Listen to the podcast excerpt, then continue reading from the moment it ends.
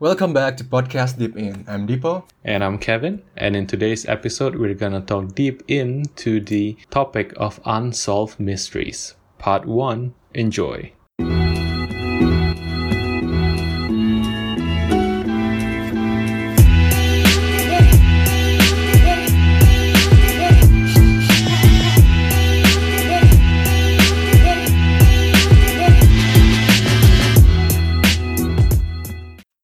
Akhirnya ya, kita udah nyampe uh, episode 4. Oh, episode 4.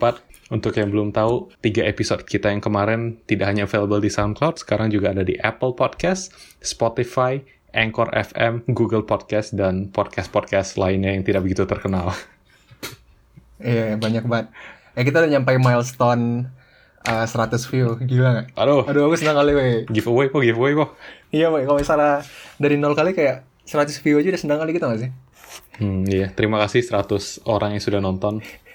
Terima kasih Dipo sudah 50 kali nonton. Eh, dengar. Mendengarkan. Mendengarkan, iya. Kayak kita langsung mulai aja sih. Kayaknya ini karena sangat-sangat menarik Hmm. topiknya ya. hmm. Gimana, Ben? Uh, kau dari banyak research tentang Unsolved Mystery nggak? Uh, pokoknya nanti kasus aku ini aku bacakan langsung dari Wikipedia pokoknya. Enggak lah. Jadi jadi untuk hari ini kita punya empat kasus menarik, ya kan? Um, Hmm. satu kita cuma tahu kasus terakhir yang lumayan terkenal yang bakal kita bahas bareng-bareng ini lumayan dekat karena kasusnya soal misteri di Indonesia. Um, sementara terus Dipo punya dua misteri lagi yang aku nggak tahu dan aku punya satu misteri yang Dipo nggak tahu. Misteri ini nggak yang Enggak sih, sebenarnya kenapa? uh, misteri terakhir tuh buat punya kau sih, yang kita bakal bahas bersama-sama. Cuman karena dekat dengan kita, Dekat jadi kita bisa bahas bersama. Dekat Eh, se- sebenarnya semua kita bahas bersama. Um, iya, semua kita bahas bersama. Uh, Oke, Pok, kau mau mulai duluan nggak? Langsung aja. Wih. Eh, kemarin tuh aku bahas, eh kemarin tuh aku eh, baru research tentang MK Ultra, atau nggak sih? Wah, Jadi zaman sekarang tuh banyak itu nggak sih konspirasi yang bilang kalau misalnya where we are under control of um, some kind of organization and something like that Hmm. kayak Illuminati. Tapi kalau Illuminati kan kita kayak orang nggak tahu itu benar atau enggak. ah itu sounds fictional gitu. Illuminati. Tapi dulu pas akhir tahun 90-an Hmm? itu sempat ada kebuka kalau misalnya CIA dan ini beneran ya beneran terjadi dan ada dokumennya segala macam kalau CIA itu eh, ngebuat sebuah mind control program Oh. yang eksperimennya itu adalah eh, human subjects beneran jadi kalau misalnya kalian tahu kayak Britney Spears aku kemarin baru lihat itu video dia di YouTube Hmm. eh dia interview dan itu kayak awal-awal karir dia gitu kan Hmm. terus di interview itu dia aneh kali weh dia kayak Ih, gila weh dia kayak punya dua kepribadian gitu Siapa? Ngerti Siapa namanya? Sorry. Britney Spears Oh, Britney Spears. oh, Britney aku Britney weh Britney. whatever Ah. dia kayak punya dua kepribadian gitu kan nah di proyek MK Ultra ini mereka tuh fokus ke disassociation multiple disassociation personalities gitu Hmm. mereka tuh kayak udah ngebuat suatu eksperimen pada suatu anak Hmm. dan mereka tuh kayak ngebuatnya itu kayak melalui abuse melalui drugs dan banyak hal Ah. dan dari hal itu disassociativeness itu bisa terjadi gitu loh jadi kayak bisa ngebuat orang memiliki banyak personalities Nah. nah dan ketika orang punya banyak personalities Hmm. mereka kalau misal mereka butuh sesuatu mereka tinggal nge-switch itu nge-switch personalities yang mereka butuhkan gitu loh Ah, iya, sih? iya. Mau- jadi kayak mereka istilah kayak punya human robot gitu Hmm. Nah, masalahnya waktu itu kan CIA pernah bilang kalau setelah ini terbuka, mereka bilang kalau misalnya, oke, we're not doing that anymore. Hmm. Maksudnya semua itu udah nggak ada lagi. Hmm. It's a part of history. Tapi itu pada tahun 1973 loh, itu tuh baru ya. Berarti CIA ngaku mereka mereka punya program MK Ultra ini. Ngaku, ngaku. Soalnya waktu itu direkturnya, direktur CIA, Richard Helms, Ah. waktu itu ngebuka, dan dia bilang, oke kita harus ngancurin files MK Ultra. Tapi setelah beberapa saat setelah itu, yang nge-handle dokumen itu dibunuh weh. Eh enggak, dia ngalami suicide, Ya. tapi orang bilang dia dibunuh gitu. Ngerti gak sih? Maksudnya kayak timingnya itu pas banget ketika disuruh ngancurin filenya itu, Ah, yang ngehandle dokumennya itu bunuh diri. anjir. Tunggu po, sorry po, aku aku tadi agak lost gitu. Tujuan pertama mereka bikin MK Ultra nih buat apa? Ya waktu itu kan karena Soviet ya, Hmm. tapi uh, on the higher note atau on the higher layer, Hmm. mereka tuh lebih pengen perfect tools gitu loh kayak they want perfect artist, they want a perfect uh, Hmm. athlete, they want a perfect assassin gitu-gitu loh. Hmm. Tapi di bawah di bawah uh, CIA dan itu mereka bisa kontrol kayak full robot. Dan masalahnya uh, kita tuh nggak tahu apakah sampai sekarang MK Ultra tuh masih ada atau enggak. Tapi banyak orang-orang yang bilang dan itu tuh kayak orang-orang terkenal dari Hollywood lah segala macam. Hmm.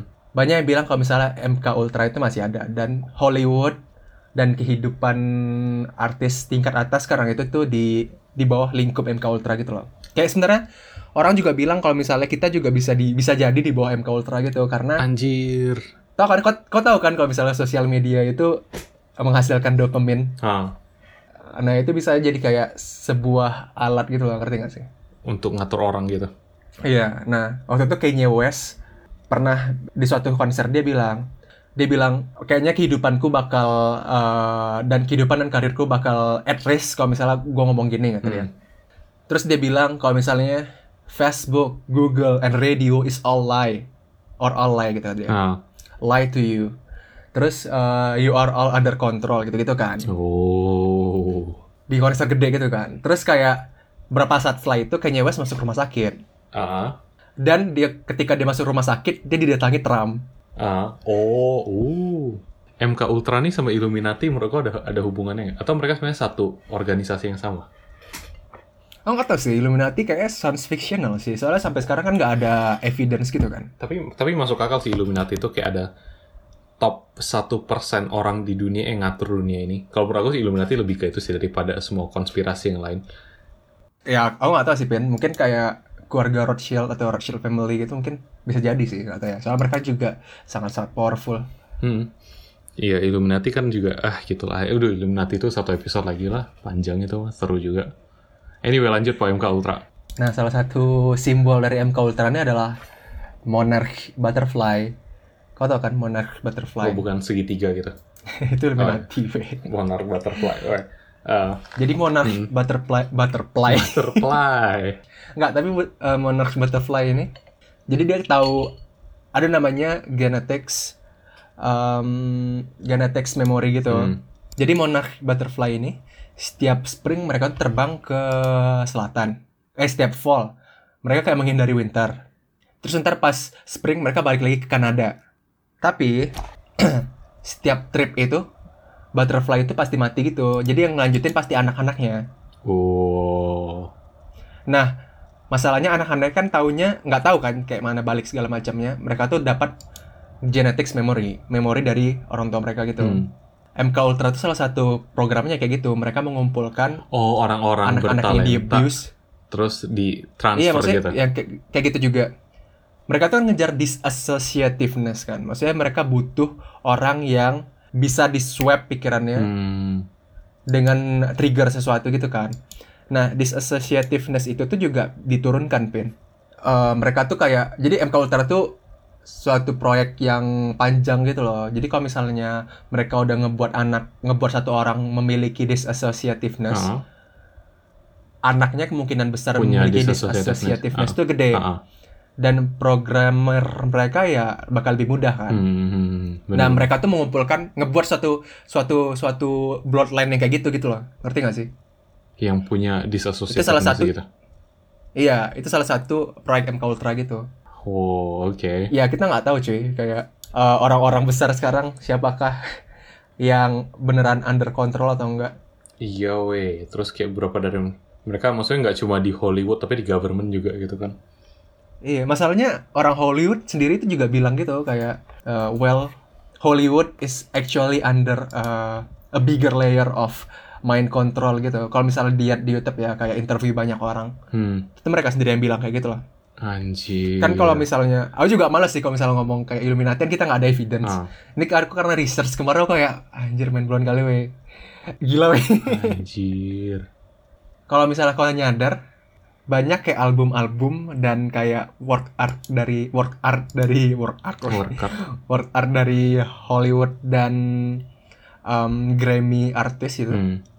banyak yang memberi simbol monarch butterfly gitu kayak mereka ya gitu lah Wah ya, ntar aku google. kayak kalau misalnya kau lihat coba kau lihat Paramore gitu-gitu Oh, yang gitu yang literally pakai um, kupu-kupu monark ini. Nah itu jadi kayak mereka symbolize ya kan maksudnya simbolisme Israel kan Hmm.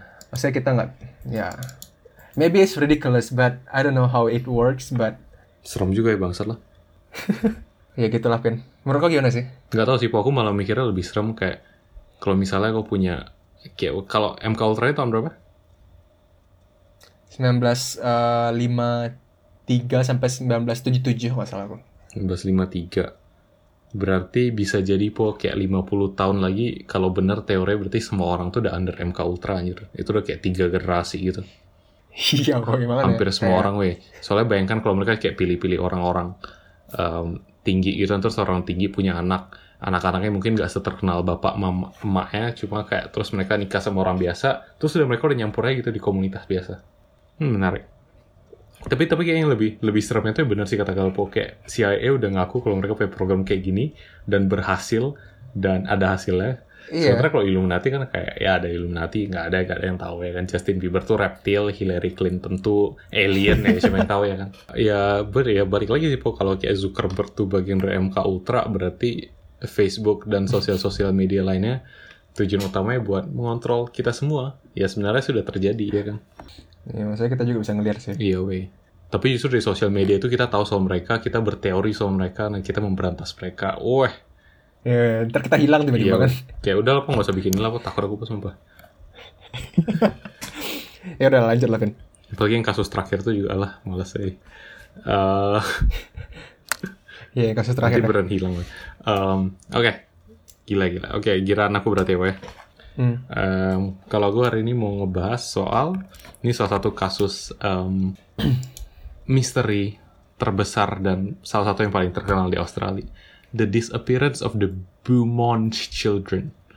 Jadi anak-anak, ya anak-anak keluarga Beaumont. Jadi kayak nama Pokemon gitu ya Iya. Beaumont. Um, jadi ceritanya um, mereka nih tiga orang anak di Adelaide, South Australia.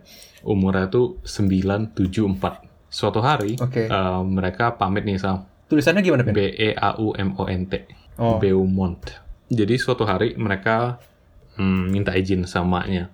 Kayak oh ya mau pergi jalan-jalan main ke pantai. Pantai itu kayaknya setengah jam naik bus dari rumah. Dan mereka udah biasa kayaknya tiap minggu apa apa baru berapa hari kemarinnya mereka hal yang sama. Jadi mereka bertiga pergi ke pantai main-main em, siang pulang. Kayak mereka pergi jam 10, jam 11, jam 2 disuruh pulang sama maknya. Dan mereka bertiga anak kecil nih kan. Tapi si kakaknya yang umur 9 tahun namanya adalah Jane. Jadi Jane, Anna, sama Grant. Jane 9 tahun, Anna 7, Grant 4 tahun.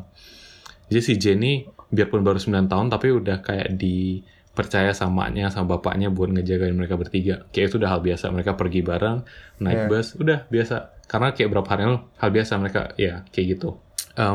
Life. Terus tiba-tiba nih di hari itu tanggal berapa nih? 26 Januari 1966. Anjir po ini dulu aku dengar ceritanya tuh udah serem tuh sekarang aku lihat foto mereka sedih kali weh bangsa. Um, Serem atau sedih dua-duanya sih. Um, mau bilang sedih aja sih biar gak takut aku. Um, sedih ini sedih kali. Um, Oke, jadi kalau misalnya kau, kau sekarang lagi buka Wikipedia kan, Bo? Iya boleh buka. Terus kalau kalian di bagian samping, mereka hilangnya tanggal 26 Januari 1966. Mereka udah hilang selama 52 tahun, 9 bulan, 11 hari. Gila weh umur mereka udah berapa sih? Ya, weh, 52 tahun nggak ketemu-ketemu. Oke.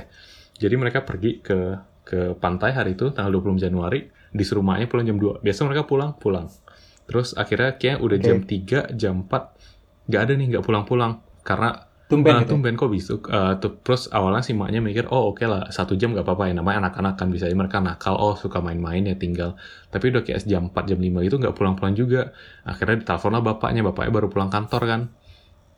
Eh, disuruh bapaknya cari ke eh apa namanya ke pantai nggak ketemu akhirnya di, di telepon lah polisi udah mulai ikut ikutan gitu kan polisi dilaporkan udah hilang 24 jam dicari juga nggak ada terus kalau nggak salah besoknya di ada yang ngelihat mereka bertiga terakhir jalan baru turun dari bus atau apa di pinggir jalan raya gitu jam Wow. jam tigaan gitu. Nah sementara jam tigaan itu sore jam bapaknya pulang. Bapaknya biasa lewat jalan raya yang sama, tapi nggak ngeliat anaknya bertiga.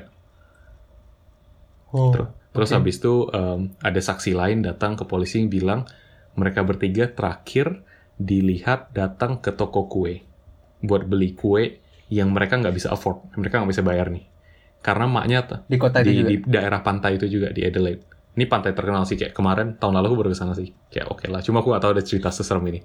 Em, mereka beli kue terus kata yang punya kuenya mereka beli kue yang agak mahal apa roti gitu yang agak mahal. Sementara maknya tahu maknya Hmm. cuma ngasih koin-koin kecil doang cuma buat naik bus sama kayak jajan-jajan kecil.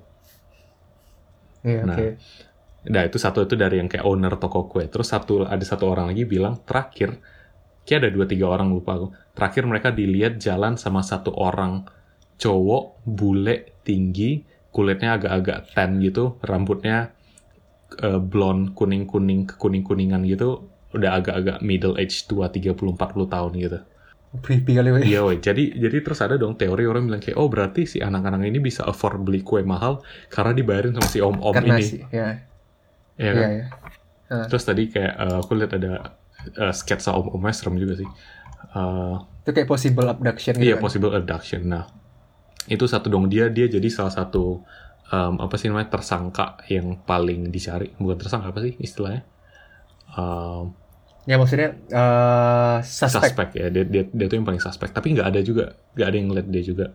Em, nggak pernah ada yang ketemu dia. Dan orang cuma bilang kayak ada dua tiga orang bilang oh iya benar tuh ada kayak gitu. Tapi udah gitu aja. Sampai sekarang belum ada yang tahu ke mana tiga anak ini. Nggak pernah ada laporan apa pun. Sampai tahun lalu eh, eh tahun ini 2018 awal tahun ada ada orang mau ngelaporin em, kalau mungkin oh ini mereka mereka kayak ada entah dari mana aku lupa.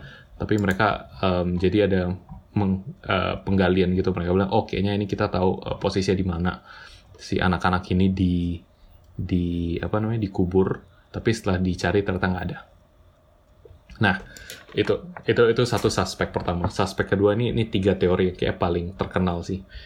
Yang kedua ini jadi ada satu pengusaha um, dia pengusaha terkenal di Adelaide dia punya pabrik gede gitu. Si anaknya tahun 2013 um, ngomong ke orang-orang kalau bapaknya mungkin terlibat atau bapaknya ngebunuh si anak-anak Bumon ini. Karena um, karena pas di hari itu Bro.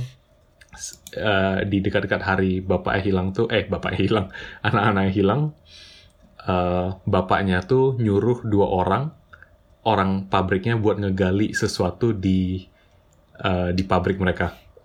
Terus Oke. ternyata Oh, si si pengusaha ini juga terkenal dia tuh salah satu orang yang ada di kayak eh, apa sih bukan geng. Kayak pokoknya orang-orang yang kayak dicurigai pedofil di antara orang-orang kaya si bapak ini salah satunya gitu si pengusaha ini namanya Harry Pips. Jadi bisa jadi ada dia dong gitu karena satu anaknya ngaku anaknya bilang oh ada dua orang pabriknya disuruh ngegali sesuatu di pabriknya. Kedua si bapak ini juga dicurigai salah satu orang pedofil di Australia yang terkenal. Nah jadi pas mereka gali ternyata nggak ketemu apa-apa. Mereka cuma ketemu tulang anjing, tulang-tulang binatang gitu. Setelah diperiksa oh ternyata tulang binatang. Padahal Padahal ada teknik menarik nih. Jadi kalau misalnya kau mau ngubur, oke ini ini contoh yang parah sih. Kalau misalnya ada orang jahat yang mau membunuh seseorang, terus mau mau ngubur mereka tapi nggak ketahuan, karena kan kalau ngubur kayak itu ada baunya, terus nanti ada sisa tulangnya, terus ketahuan gitu kan. Jadi Hmm. kau kubur dulu badannya, ini serem kali. Kau Hmm. kubur dulu badannya, terus di atasnya kau taruh mayat binatang. Jadi Iya. pas Maksudnya kayak kalau misalnya ngebunuh itu ngubur itu salah satu no no solution gitu kan untuk menghilangkan Iya, body. karena maksudnya gampang ketahuan. Karena kayak, tapi kalau misalnya Iya. kau taruh tubuh manusia terus tubuh binatang, baunya kan yang keluar mungkin oke bau mayat kan sama di mana bau busuk gitu gitu. Tapi pas orang Hmm. ke sana, orang gali, orang ketemu, oh cuma mayat binatang, ya udah orang berhenti sampai sana kok. Orang nggak bakal ngegali Iya. lagi dong. Karena kau kayak, oh ya ini cuma dia bunuh anjing dia yang mati atau oh dia bunuh peliharaan dia udah gitu dong. Jadi sampai ke dalamnya kita nggak tahu nih ada apa. Kalau orang berhenti di sana, terus pas nanti kalau udah dagingnya udah membusuk udah rusak tinggal tulang tulangnya udah nyampur atau tulang di bawah pasti rusak dulu daripada tulang di atas ya sama orang kalau ngegali oh Iya. ini cuma tulang anjing cuma tulang sapi ya udah udah gitu aja kan gitu Oh cuy. Tapi itu maksudnya mereka oh, nggak tahu ya. terus salah Apa mungkin mereka nggak nggak ngeduk Nggak. mereka nggak ngegali terlalu dalam. Maksudnya nggak ngegali lebih gitu. Enggak. bisa jadi sih cuma Oh, mungkin well. emang emang nggak ketemu aja dan nggak ada yang tahu sampai sekarang di mana gitu loh yang ketiga nih lebih kayaknya Yes. udah hoax sih udah udah terbukti nih hoax tapi dulu um, kayak 5 apa 10 tahun sejak mereka hilang ada nih di satu penjara ada satu um, inmate satu apa sih penjahat dia ngomong gitu ke ke Iya. penjahat lain terus kedengaran sama sipir ya kan makanya eh, awalnya teori ini ke mana-mana jadi dia bilang oh dia tahu siapa yang ngebunuh tiga anak ini terus tiga anak ini tuh dipakai buat dibikin kayak human centipede gitu terus dibuang What the heck? jadi si si penjahat ini nyombong gitu ke orang lain oh ya gue yang ngebunuh si anak-anak bumon terus gue gini-giniin gitu loh Gak mungkin sih. ya tapi tapi itu kayak udah terbukti salah terus em, Iya. satu lagi yang sedih waktu itu sempat juga ada cerita si orang tua nih nggak mau ngejual rumahnya sampai kayak 20-30 tahun sejak mereka hilang karena mereka percaya kalau anaknya masih hidup mereka bakal balik ke rumah itu Oh man, gila. Hmm. Itu kayak Hachiko ya. iya ya udah cepat cepat sedih kan dan maksudnya pun kalau dan nggak tahu sih terus ada juga yang bilang teori ya mungkin kayak MK Ultra gitu oh dicuci otaknya atau karena mereka masih kecil di brainwash mungkin bisa lebih gampang jadi mereka lupa mereka siapa atau apa karena kalau kayak misalnya mereka mayatnya tidak ditemukan tidak ada kasus apa pun kalau mereka masih hidup masa mereka nggak pulang dan kalau kasusnya seterkenal itu di Australia masa mereka nggak ngaku sih ngerti gak sih gitu aja Iya sih dan sih. sekarang orang masih percaya oh bisa aja mereka masih hidup di mana gitu Ya weh. Kayak, Ya bisa aja connected dengan yang cerita yang pertama tadi kan. Soalnya mereka juga masih kecil. Eh, gitu-gitu mereka kan. nggak tahu apa-apa ya kan atau ya mungkin ya mereka udah udah meninggal gitu Tapi rasa aku sih, kalau misalnya udah selama itu sih, iya ya kayak udah. Hmm.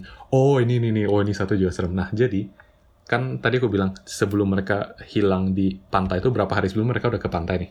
Jadi Hmm. maknya maknya Oke. maknya bilang sama em, kepolisian dan itu itu anak-anak ini bukan tipe yang bakal ikut orang orang eh, asing stranger gitu. Mereka bukan tipe orang bisa berteman sama stranger especially si kakaknya. Kakak ini yang paling em, pemalu gitu. Terus dia kan kayak tugasnya ngejagain adik-adiknya. Terus dia pemalu kayak nggak punya banyak teman kalau nggak salah atau apalah.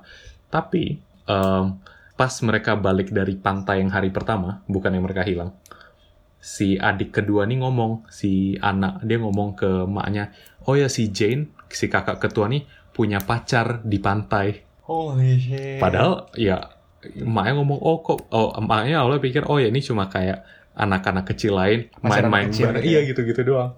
Tapi Tapi kalau misalnya dipikirin dengan yang teori pertama yang middle age man itu creepy nah banget. ini aku baru baca lagi middle age man-nya pas terakhir dilihat cuma pakai celana renang.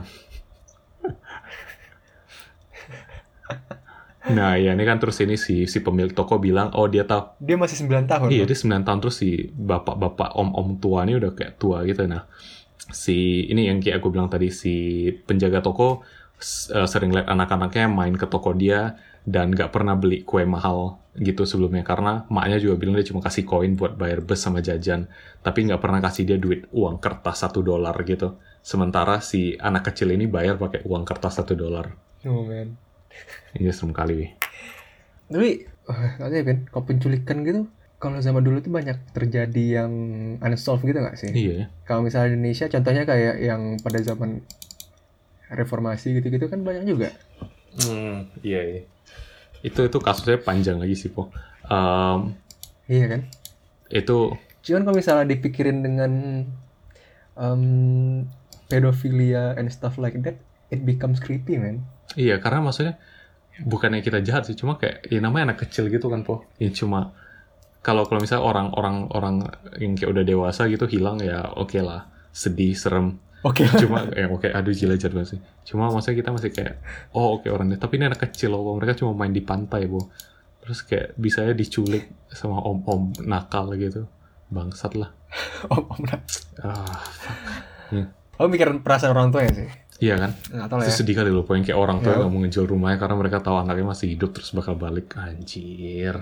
bukan tahu itu lebih ke harapan gitu nggak sih kayak pengharapan I believe that my Seharusnya sih Kids. kalau kalau masih hidup sih mereka umurnya Still like- 60 50-an gitu sih sekarang ya. iya, iya sih Oh, oke. Fuck. Oke, oke. Move on, Po. Oke, kasus eh, lanjut ke cerita kau yang kedua.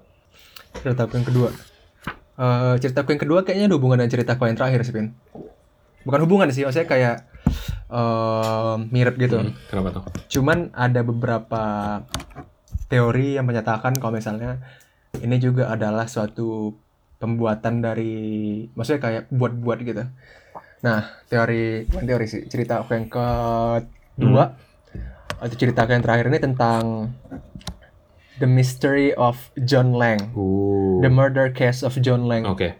Kayak aku pernah dengar sih nama John Lang ini. Cuma kayak familiar Oh, dong. terkenal sih. Terkenal. Oke. oke. terkenal sih Gimana ceritanya? Gimana ceritanya? Jadi ceritanya eh, John Lang ini tinggal di Fresno, kota Fresno namanya, Eh, California. Nah, John Lang ini sendiri tuh kayak dia aktivis gitu loh, kayak aktivis yang ngebongkar filthy side of cops and government gitu. Mm-mm. Dia kayak penulis di salah satu website juga gitu gitulah. Mm-mm. Nah, pernah suatu saat dia em, ngebuka salah satu case polisi yang nge-scam license plate dari neighborhood dia gitu. Jadi kayak dan polisi itu ngelakuin itu gitu untuk mendapatkan penghasilan tambahan. Oh, oke. ah. Nah, dia tuh kayak ngebuat post di Facebook dan dia nulis di kayak di eh, jurnal berita Fresno yang lokal gitu. Oh, ini berarti cerita baru nih? 2014 ya nggak salah kapan sih? Oh, juga iya. lupa sih. Nah, dia udah membuka segala macem dan dan dia tuh dapat kayak ancaman gitu dari orang. Ya kita nggak tahu siapa tapi well we know Hmm. gitu ngerti nggak sih? Ancaman kalau misalnya take down apa yang telah kamu tulis. Sorry, Po. Eh, yang dia tulis Dan apa aja stop. sih kira-kira? Ya, intinya itu kalau misalnya polisi Fresno itu korup, Oh, korup iya, gitu lah. Dia ngebuka ngebuka itu semua gitu, ngebuka scam-scam Hmm. mereka. Dan pada saat itu ya tentang uh, card plate. Maksudnya kayak Mm, terus? gitulah.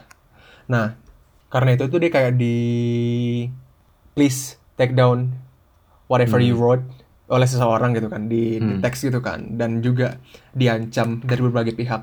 Nah, tapi dia tuh nggak take down gitu, malah dia lebih lebih gitu kan. Dia malah makin membuka segala macam di Facebook dia kor-kor gitu kan. Hmm. Berapa saat setelah itu dia tuh kayak ngebuk ngebuat di YouTube gitu. Dia bilang eh nggak dia ngebuat dulu di Facebook. Dia bilang kalau misalnya eh, guys somebody uh, stalk my house Hmm, gitu gitulah. Ini ada videonya sih, Po. Cuma kayak aku nggak berani buka gitu. Dia ngebuk pokoknya dia ngebuat video. Terus di video itu kayak ada orang yang bolak-balik di dekat rumah dia gitu orang yang sama. Terus kayak ada mobil yang sama bolak-balik di rumah dia berapa ka- berapa Hmm. kali gitu kan. Nah sampai suatu saat eh dia tuh ngebuat video di depan rumah dia tuh kayak ada orang pakai thermal kamera di mobil van gitu besar. Pintunya dibuka, orang langsung lagi kayak gini, lagi lagi lagi kayak gini. Oke, iya, kayak lagi video. aja kan kalau ngapain. Iya, enggak. Maksudnya mereka tuh lagi eh, masang thermal kamera, yang kamera Ah. gede banget gitu. Dan ketika jendela si John Lang dibuka, mereka tuh kayak langsung panik, mereka langsung nutup pintunya, mereka langsung jalan Hmm. gitu. Oke. Eh, pokoknya creepy banget lah. Pokoknya sampai ada thermal kamera, semua diikutin Ya, kan. Terus sampai suatu waktu eh dia bilang di Facebook, guys, kalau misalnya kalau misalnya setelah ini gua nggak ada kabar lagi, berarti gue dibunuh Nah, oke, oke. Ah, di Facebook. Dan besoknya dia dibu- besoknya rumahnya terbakar dan dia mati dengan luka tusukan tiga tiga tusukan kalau salah aku. Nah terus eh terus kepolis kepolisian Fresno-nya bilang kan kepolisian Fresno-nya kayak ya udahlah kita buat Hmm. investigasi dan mereka bilang kalau itu tuh suicide gitu. Ya dan itu kayak banyak teori gitu loh. Pertama ya dia dibunuh sama kepolisian Fresno dan Hmm. orang-orang gitu kan. Soalnya sebelumnya eh, Hmm. katanya sebelum dia rumahnya dibakar dia tuh sempat ke rumah Hmm. tetangganya minta tolong gitu eh bisa nggak aku tinggal di sini Hmm. dulu dan tetangga itu kayak Hmm. takut gitu kan takut gitu kayak ya pokoknya takut gitu lah kayak orang ada udah ada orang yang datang gitu tetangganya Hmm. gitu gitu kan terus akhirnya dia nggak nggak dapat eh, shelter di tempat tetangganya itu akhirnya dia balik lagi ah. Nah, pokoknya dari situ tuh kayak ada konspirasi bilang kalau misalnya eh tetangganya juga salah satu yang masuk ke plotting dari Fresno Cop Hmm. gitu kan. Fresno Polisian, kepolisian Fresno. Nah, Tapi ada juga salah satu teori lain yang ngatain kalau misalnya si John Hmm. Lang ini punya over anxiety kayak ngerti gak sih dia punya Para paranoid salah gitu. satu mental illness iya Hmm. dia punya mental illness yang melebih-lebihkan Hmm. sesuatu dan dari video dia eh, orang bisa ngambil dua kesimpulan antara Hmm. itu beneran atau ya enggak gitu loh cuman yang aku lihat dari thermal kamera tuh kalau misalnya kau lihat tanpa tahu ceritanya itu serem sih maksudnya kayak tanpa tahu backgroundnya kau bayangin weh kau ngeliat keluar jendela kan terus kayak Hmm. ada orang pakai kamera Terus gede dia bisa yang ngeliat kau jalan kamera, ke mana aja gitu. ngarahin ke arah iya ngarahin ke rumah kau terus pas kita pas kita ngebuka Gordon mereka langsung panik Iya. terus pergi gitu kan serem banget gitu Terus guys. yang yang yang ini aku baca lagi tuh yang serem tuh orang bilang bisa jadi ini bukan pembunuhan tapi dia bunuh diri gitu. iya itu kan ya Hmm. dibilang makanya dia bisa aja dia tuh Hmm. paranoid terus dia karena pengen membenarkan cerita dia sendiri akhirnya bunuh Iya, diri gitu karena lah. karena kayak persis gitu kan dia kayak oh ngeprediksi dia ada kayak tiga tusukan di punggung eh ternyata benar tiga tusukan di punggung terus dia rumahnya dibakar terus eh, pintunya diblok gitu-gitu sama dia. Hmm. iya makanya Um, terus oh tapi tapi ini ada satu Iya. sih aku baca di Reddit baru aku baca. Um, apparently um, setelah kayak diinvestigasi gitu, tuh luka tusukannya ternyata di dada bukan di punggung. Iya makanya makanya itu juga Wah, salah yes. satu yang jadi teori kalau misalnya dia adalah seorang yang Hmm. paranoid dan eh itu tuh adalah suicide gitu loh. Hmm, tapi tapi kalau luka kalau lukanya di dada bukan di punggung berarti si pihak um, otopsinya dong yang ngebohong. Kalau dia mungkin benerannya dibunuh Iya, tapi juga sih. tapi sebenarnya oh, hasil bisa juga. otopsi keluarnya oh Hmm. dia bunuh diri gitu. Benar juga. Oh iya dia pernah juga bilang kalau misalnya si John Lang pernah bilang kalau misalnya waktu itu dia balik dari sesuatu pergi gitu kan dia pergi terus pas balik kayak rumah dia tuh habis kena Hmm. maling gitu. Tapi nggak ada yang hilang. Dia cuman kayak orang kayak lagi nyari sesuatu gitu loh ngerti nggak sih? Tapi nggak nemu, tapi nggak nemu gitu kan. banget sih. Tapi kan kita nggak tahu itu itu kan kata si John Hmm. Lang sendiri kan. Tapi kalau misalnya yang aku pikiran ya, kalau buat aktivis-aktivis hal-hal kayak gitu tuh banyak emang terjadi sih, Hmm. ngerti nggak sih? Kayak orang-orang nggak senang ya diteror gitu-gitu tuh kayak hal terus biasa gitu tiba-tiba hilang kalau tiba-tiba dibunuh. Um, Oke, Iya. eh, Ya kan sebenarnya- ini sebenarnya masuk ke cerita oke, kan. cerita. Kayak aktivis Oke. yang dibunuh. Jadi, eh, Ini seru banget sih, Vin. Lanjut. oke ya. ini ini yang terakhir sih dari kita um, unsolved mysteries eh, hari ini. Eh, jadi basically kita mungkin ambil salah satu kasus paling terkenal di Indo, yaitu kasus pembunuhan eh, Munir, Munir Said eh, Talib. Jadi Munir nih salah satu aktivis eh, yang terkenal di tahun um, 90-an kayak reformasi Pak Orde Baru. Um, Iya, dia 98 98, paling 98 paling ya. terkenal.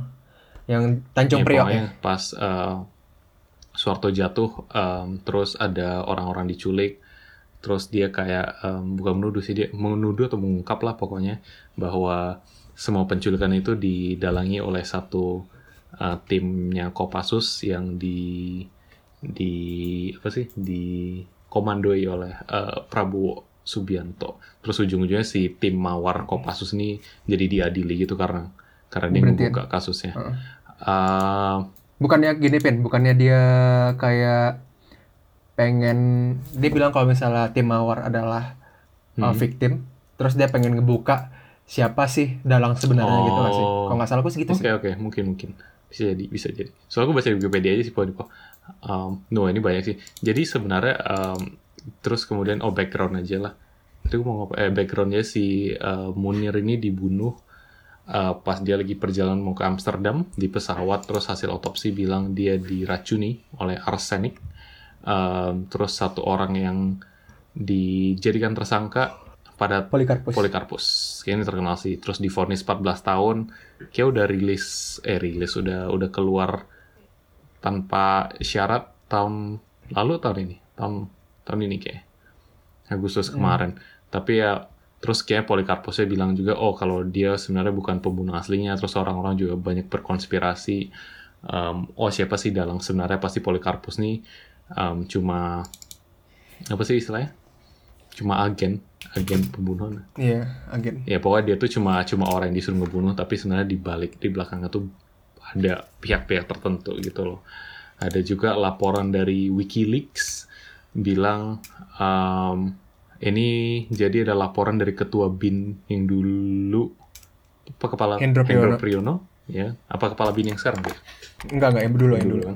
Kalau dia tuh salah satu Hmm. dalang pembunuhan Munir terus mereka waktu itu sempat ada diskusi juga kalau oh gimana cara cara terbaik cara terbaik cara paling bagus cara paling efektif membunuh Munir awalnya sempat dipikirin tapi kayak Iya. gagal ujung-ujungnya diracuni terus eh, Ya pokoknya ceritanya, hmm, ya pokoknya ceritanya jadi kayak Deputi Bin, Mufti, itu sempat ada kayak Hmm. kontak intensif dengan Polikarpus gitu.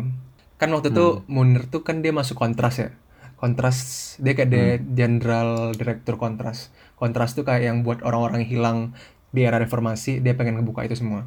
hmm, Nah, waktu itu si Mufti, Deputi Bin itu ada kontak intensif dengan Polikarpus, tapi di hakim hmm, dia bilang kalau misalnya HP dia itu bisa dipakai semua orang dan bisa aja supir dia atau bawahan dia yang pakai. Tapi kan nggak masuk akal ya bayangin Deputi Bin HP bisa dipakai semua orang. hmm, Nah waktu itu Iya, dia iya. bilang ketua Bin pada saat ini tahu Hmm. semua apa yang saya lakukan dan pada saat itu adalah Hendro Priyono. Ah. Nah sedihnya tuh gak sih? Ya maksudnya kayak ya maksudnya kita tahu lah berarti siapa yang ngelakuin kan. Tapi ya namanya udah elite government udah susah sih menurutku sih. hmm. terus kayak yang aku baca juga dokumen-dokumen terus waktu itu tahun berapa nih SBY itu siapa sih bikin tim Iya, pencari iya. fakta Tapi nggak untuk nyelesain kasus nggak Munir. keluar ya. Terus kayak dokumen-dokumennya ada, tapi terus tiba-tiba dokumennya hilang. Terus dioper-oper gitu kesalahannya. Oh dokumennya di sini. Oh enggak itu udah saya kasih ke pihak ini. Terus Iya. kayak sampai sekarang nggak ada yang tahu itu dokumen tim cari fakta di mana. Katanya udah ketemu. Terus ada juga yang bilang udah ketemu cuman nggak di Oh ya? nggak di mediasi gitu nggak di nggak dikasih ke Iya. publik gitu ya. Terus ada juga ini kayaknya tiga orang staf Garuda udah jadi tersangka em, karena ada kayak staf-staf Garuda nih surat-suratan sama Polikarpus Hmm. pada hari Sabtu. Padahal hari Sabtu kantornya tutup. eh tapi gini loh Vin terus dia dicurigai. kan Polikarpus ini kan dia ini apa namanya eh, pilot yang lagi cuti pilot Garuda yang lagi cuti Hmm. sebenarnya dia nggak punya nggak Hmm, punya oh iya. alasan untuk ngebunuh Munir gini loh kayak dia nggak ada hubungan sama pemerintah dia nggak punya hutang piutang Hmm. dengan Munir dia tuh Hmm. masa nggak ada hubungannya lah kalau untuk dia ngebunuh eh, si Munir itu tuh nggak masuk akal gitu berarti nggak sih kayak dia Ya, nggak berarti dia, dia dia cuma di dia jadi alat doang. Iya, kan? dia cuman kayak eh, kambing hitam gitu. Rasa aku ya, aku nggak tahu Hmm. juga ya. Namanya juga masih misteri. Nah masalah si Munir tuh kan kayak berani banget gitu loh. Dia udah diteror berkali-kali kayak rumahnya Hmm. pernah dikirim bom tau nggak? Rumah orang tuh, Oh. rumah orang tuanya pernah dikirim bom. Rumah orang Hmm, tuanya. pernah dikirim bom. Iya iya. Dan dia dia dia jawab kayak eh, kenapa cuma kirim satu, kenapa nggak kirim banyak sekalian? Gila. Us anjir. Terus dia kan pernah dapat. dan dia tuh emang Iya. udah banyak bu- buka banyak kasus-kasus yang orang-orang hilang gitu kan. Iya, dia tuh sebenarnya eh, buka kasus orang tertindas sih kalau dia. Hmm. Nah, ini Polikarpus kepada pers November 2014, saya tidak bersalah, saya tidak membunuh Munir. Anjir. Maksudnya ya dia dia tuh jadi tersangka cuma ya dia tuh jadi kambing hitam ya bener lah kata Gopo. Cuma karena dia yang masukin um, racunnya aja. Iya. Maksudnya kalau misalnya Polikarpus juga untuk membungkam Munir juga backgroundnya nggak ada gitu. Nah sedihnya Pin, dia Hmm. itu kan dapat beasiswa S2 ya. Tiga hari Hmm. sebelum dia berangkat itu dia ngebuat pesta kan, pesta perpisahan gitu, farewell party. Hmm. Dan Oh. dan semua orang dia kan dia, dia kan kayak dicintai gitu kan banyak orang, dia ngebantu banyak orang segala macam. Maksudnya tuh kelihatan gitu loh, dia kan pernah dapat awards uh, Man of the Year gitu, terus dapat uang kan setengahnya kayak sekitar 200 Hmm. juta 200 juta itu kan dulu banyak ya dia Hmm. tuh kayak mm, Oh iya, weh, 200 juta tuh banyak ya. ya maksudnya dia tuh kayak udah eh, memberikan setengahnya kepada orang yang membutuhkan terus setengahnya lagi kepada orang tuanya gitu loh Oh. Jadi kayak- Astaga. nah Oh, terus setengahnya lagi dikasih ke kon. Eh, oh enggak ini beda nih. Hadiah dari dia dapat penghargaan, setengahnya dikasih ke kontras, setengahnya dikasih ke ibunya. iya itu dia maksudnya itu maksudnya Vin terus yang tiga hari sebelum dia berangkat itu dia bilang itu saya nggak pernah eh, saya bukan seorang yang pintar dalam belajar dan saya sudah lama tidak belajar oleh karena itu saya pengen untuk sekali ini saya serius untuk mengejar S2 untuk Oh, gitu gitulah astaga. Terus kayak semua orang tepuk tangan gitu kan. Terus ternyata itu Hmm. mengantarkan dia ke itulah. ke ke alam berikutnya. Iya. Oke, oke. tapi sampai sekarang emang belum ketahuan aja sih siapa dalangnya ya kak sih. Iya. Itu itu aja sih mungkin unsolved mysteriesnya dan juga karena oh ini ditutup-tutupi sama berbagai pihak. Waktu itu Jokowi juga kayaknya udah bilang oh ini bakal di solve tapi sampai sekarang juga belum ada update-update terbaru. Kayaknya udah dari lama Ya, banget sih. menurutku sebenarnya kasusnya. yang dibutuhin sebenarnya keberanian pemimpin aja sih untuk ngebuka semuanya. Menurutku ya. Wih, siap, siap, benar-benar. Ya, cuma gitu loh, susah. Sama saya sama lah, kayak kayak kasus-kasus tadi. Eh, banyak konspirasinya, banyak teori-teorinya, ya kan? Cuman Oke. pembunuhan pakai poison tuh coerced sih. Eh, Iya, terus mak- ya kan soalnya bawa pisau nggak boleh po di airport, Oh iya iya kan? Nah, oh iya itu juga. Gimana cara mereka bawa Arsen. um, arsen tuh dia tuh bubuk atau liquid sih? Arsenik. Secara ya. Ars- arsenik. Coba Google po. Uh, sambil di po Google aku masukin uh, suara-suara pengisi lah ya. La la la Kayak bisa bubuk deh. Gak tau lah. la la la la la la. Apa bubuk ya? Dan waktu itu kan juga sempat dia sempat dipindahin duduk di sebelah dokter gitu kan di atas pesawat. Oh iya. Hmm. Iya, Kalau salah dokternya sempat jadi tersangka, tersangka juga nggak sih? Nggak tahu ya. Oh ya, kenapa? Nggak tahu. Aku mungkin salah salah mengingat. Aku lupa juga. Oke, em, iya ada satu lagi sih kasus kalau misalnya mau dihituin kasus aktivis hilang juga di Indo yang terkenal eh, Wiji Tukul. Dia ini aktivis em, sama aktivis HAM juga pas era Pak itu pokoknya dia tuh sama lah ujungnya diculik terus kayak tidak kembali gitu. Itu karena Diculik dia saja. pengen mengebuk apa? Eh, Wiji Tukul ini basically dia tuh eh, apa sih? Eh, penyair yang orang yang membawakan puisi apa namanya? Oh, bukan kan? penyair penyair. Puitis. penyair ya. Terus tadi aku mikir, oh jangan-jangan namanya puisician. Buat puiser tuh. Puiser. Um, ya jadi uh, Wiji Tukul ini orang Solo, dia tuh aktivis di zaman Orba kalau nggak salah. Pokoknya um, yang kayak anti Soeharto gitu lah. Jadi pokoknya dia tuh sering dapat sama dapat ancaman juga pemerintah di eh pemerintah preman kayak dikirim-kirim ke rumah dia terus akhirnya dia harus kayak Dikirim pakai box ya juga. sering tiba-tiba tanda tangan di sini gitu. Em, jadi kayak dia sering eh, cabut dari rumahnya terus kayak pindah ke kota baru, cari kerjaan baru, bikin identitas baru cuma biar kayak ngilang terus biar istrinya selamat. Sampai terakhir ini katanya last kontak dia sama istrinya Februari 1998, bulan Aprilnya dia kelihatan ada di demo di Tangerang, tapi habis itu dia nggak pernah kelihatan lagi. Nggak ada yang nggak ada yang tahu dia di mana, nggak ada yang pernah tahu kasusnya apa apa yang terjadi sama dia sekarang gitu sih. Iya weh. Tapi Hmm. kalau misalnya kayak gini-gini nih, sebenarnya bisa aja mereka kayak, ya mereka kayak mereka yang kabur gitu bisa aja kan sebenarnya. Mereka lagi jualan batagor sekarang gitu kan. Iya weh. Kayak udah capek dari segala teror-teror. Saya kayak udah jual batagor aja. Bangsat lah. Bu. Ya bisa aja kan. Itu kan salah satu salah satu yang bisa terjadi kan. Mm-mm. Who knows? Ah, who knows? Iya sih. Ya pokoknya gitulah. Em, apalagi nih po? Apalagi kita bahas atau Oh, sudah tahu ya kalau misalnya Munir Apa? aku jadi ingat lagunya si efek rumah kaca atau nggak di, di udara. Apa apa tuh? Enak lagu, Po? weh. Nyanyikan po. Mainkan aja, mainkan sekarang. Ntar lah kita mainkan di akhir. Hmm. Banyak sebenarnya, iya maksudnya banyak sebenarnya unsolved mystery lain tapi kayak kita lanjut di next. Iya, em, jadi kita research-research dulu, kita cari lagi yang menarik. Kalau soalnya kalau kayak gitu bisa banyak, bisa kayak 30 episode, bisa satu podcast sendiri apa kita bikin Iya, weh. soal unsolved mysteries Iya, dong. Segitu aja hari ini ya. Em, sebelum kita akhiri, seperti biasa, apakah kau punya fun fact menarik hari ada ini? ada tentang CIA karena aku tadi ngomong tentang CIA. Jadi tahun 2000 Nah, tahun kenapa nih, 2003 CIA pernah nyulik, bukan nyulik sih, arrest seorang Jerman namanya Khalid El Masri, terus dibawa ke USA, di torture sampai pokoknya di torture sampai pokoknya suffer gitu lah kan. Terus akhirnya baru Hmm. tahu kalau ternyata dia, mereka salah orang weh. Terus mereka kayak, "Oops, sorry." Anjir, oke itu lucu ya. Kok gimana? Kok gimana? Kok ada lawakan lawakan tidak menarik untuk podcast kali ini ya? Oke oke, lawakan receh minggu ini. Em, ini aku mikir keras loh buat ini. Oke lanjut. Em, Oke oke. Ini enggak enggak ini kan enggak Eh. apa kan enggak apa sih? Nggak ofensif, offensive. enggak, enggak, enggak, enggak dong. Enggak. Kenapa Illuminati lambangnya segitiga? Enggak tahu. Karena mereka mau menguasai dunia, po. Soalnya kalau kotak, mereka nge-ban. What the fuck?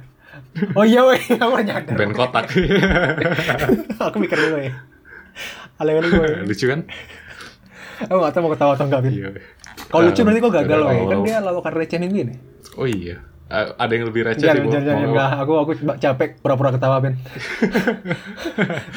Bangsat. Em, Oke, segitu aja kayak dari kita. Oh iya, minggu ini kita tutupnya Um, dengan lagu efek rumah kaca ya. Iya di udara asik. Kita udah kayak di VJ radio gitu kok. Um, Oke segitu aja. Um, Iya kita minta maaf sebelumnya kalau di podcast ini kita banyak ngomongin soal pembunuhan, bunuh diri, and all that. Um, harusnya kita taruh warning di di depan sih, cuma kayak, you know, terima kasih sudah uh, mendengarkan. Um, that's it dari saya hari ini. Bye. Eh, makasih buat teman-teman yang udah dengerin. Uh, until next episode. Bye. Thank you.